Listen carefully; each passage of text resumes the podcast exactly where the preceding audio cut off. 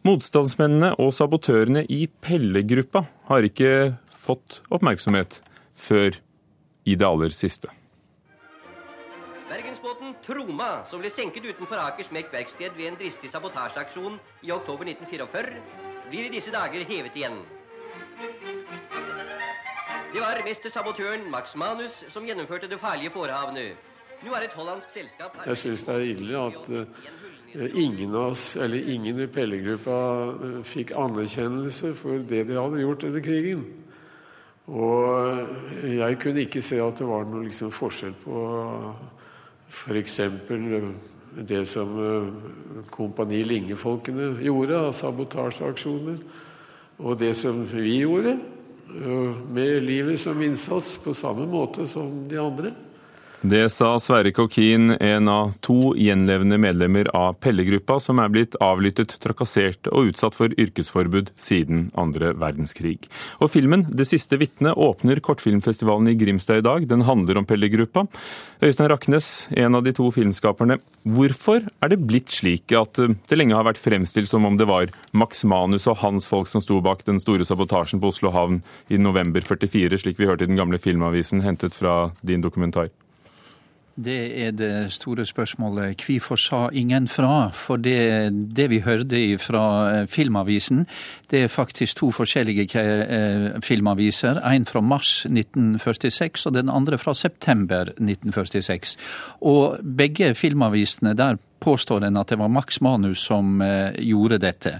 Hvorfor Max Manus ikke sa ifra sjøl, veit ingen.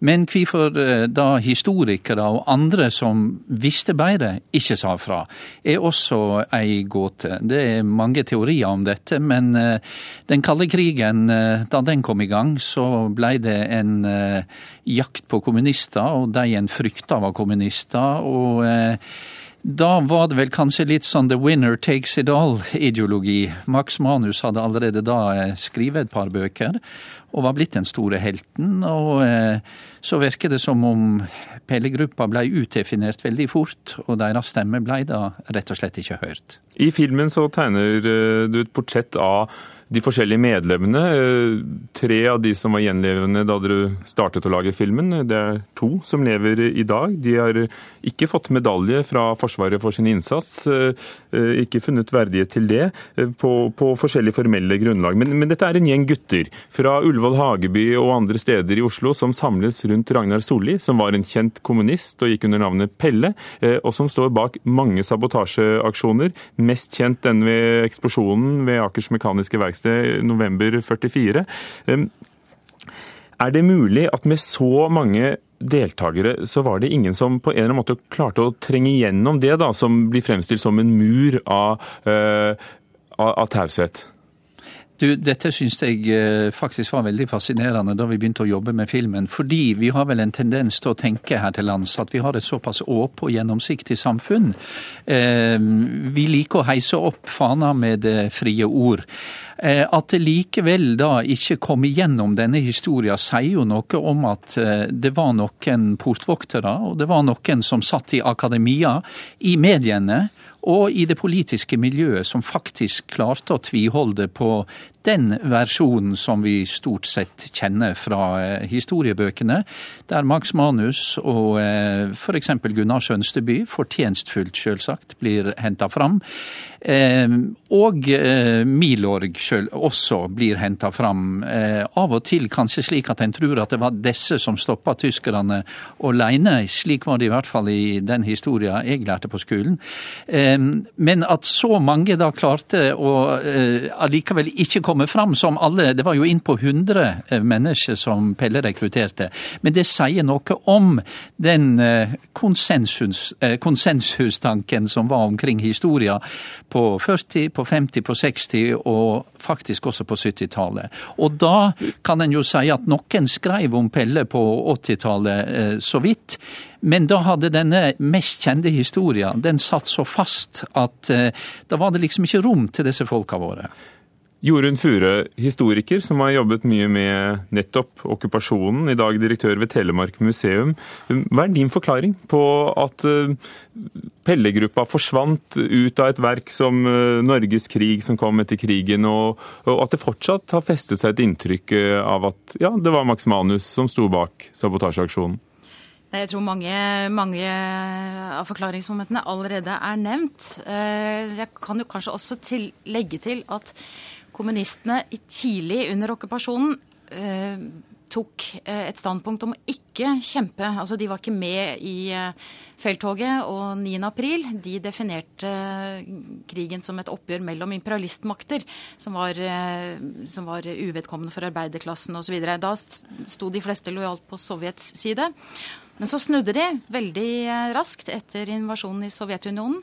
Og da kom jo de mye raskere på banen enn andre grupper med, med aktivistisk sabotasjeaktivitet. Men da var på en måte dette inntrykket festa seg litt. Det er mulig en av forklaringene. At de på en måte ikke helt var der hvor andre var 9. april. Men når, når du nå har fått eh, se på filmen eh, og og tenker tilbake på da, da du studerte historie og, og, og begynte å forske. Er, det et element av at man ikke ville at det skulle snakkes om? Eh, jeg kan vel ikke peke på noen sånne bevisste på måte, fortrengningsmekanismer. Eh, det har ikke vært underslått at kommunistene drev motstandsvirksomhet i Norge. Men i motsetning til Danmark, da, hvor de var kanskje mye mer framme, så, så, var det nok en Så er det det med hvilken sammenheng de står i. Altså Motivasjonen var nok den samme som Milorg og Linge-gutta. De ville kaste tyskerne ut av landet og frigjøre Norge. Eh, det var en antinazistisk motivasjon, og handlingene er jo de samme som eh, andre sabotører drev med. Men de var ikke integrert i det samme beslutningsmiljøet og hierarkiet. ikke sant? De hadde ikke den koblingen til London, de hadde ikke den koblingen til britene. De, eh, Pelle-gruppa var uavhengig, men andre kommunistiske grupper sto jo direkte under, under sovjetisk kommando. Og da kan man jo forstå at det i ettertid har blitt vanskelig å håndtere ideologisk, politisk. Da. Og Øystein Raknes, selv om altså Pelle Ragnar Solli var kommunist, men så var ikke Pelle-gruppa kommunistisk. Men kan du likevel forstå, som, som Kåre Willoch sier i filmen i en høring som, som ble arrangert, og som dere bl.a. har filmet, eh, at dette var en kald krig? Det ble sett på som en reell fare med kommunistisk aktivitet, og, og, og da var avlytting et av midlene som ble brukt? Ja, eh, selvsagt. Altså, dette elementet med kald krig kan en jo godt forstå. Og at folk flest var redde, det kan en også forstå veldig godt. Men det som er interessant, er jo at nettopp på denne høringa du nevner, så er det jo to stykker som står fram. Eh, Kåre Willoch og Ketil Lund, den eh, tidligere lederen av Lund-kommisjonen. Og de representerer fremdeles divergerende syn. Lund-kommisjonen kom jo fram til at den avlyttinga som var gjort på 50-, 60-, 70-, 80-tallet, den hadde gått for langt. Der hadde en brytet lova, bl.a. ved å drive romavlytting, som ikke var lov i noe eh, tid av denne perioden. Eh, mens Kåre Willoch han står jo for et annet syn. Han mener jo at Lund-kommisjonen var naive. Selvsagt må en kunne ha utvida fullmakter til avlytting. Eh, jeg kan jo ikke se annet enn at de gikk for langt når det gjelder folk fra Pelle-gruppa, fordi at ja, to av de tre gjenlevende Eh, representerer jo politiske parti som står nesten så langt fra kommunistene som en kan komme i den norske partifloraen.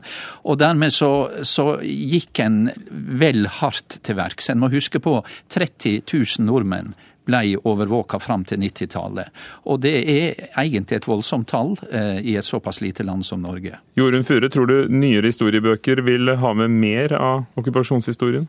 Ja, det tror jeg, og det håper jeg. Og dette er en historie som absolutt eh, bør eh, fram. Uh, mye mer enn den uh, En del er jo dokumentert allerede, men det å få det inn i en type folkelig kollektiv bevissthet om krigen, en sånn kollektiv erindringssak, det tar nok lengre tid. Men jeg tror vi er modne for å ta inn flere kategorier og flere historier og flere nyanser i krigshistorien enn vi har gjort hittil. Takk skal du ha, direktør ved Telemark museum og historiker Jorunn Fure. Og noe av dette kan kanskje skje takket være filmen 'Det siste vitnet', som altså åpner filmfestivalen i Grimstad, og som kommer og å bli vist på NRK og fjernsynet til høsten. Takk også til eh, filmskaper Øystein Rakkenes.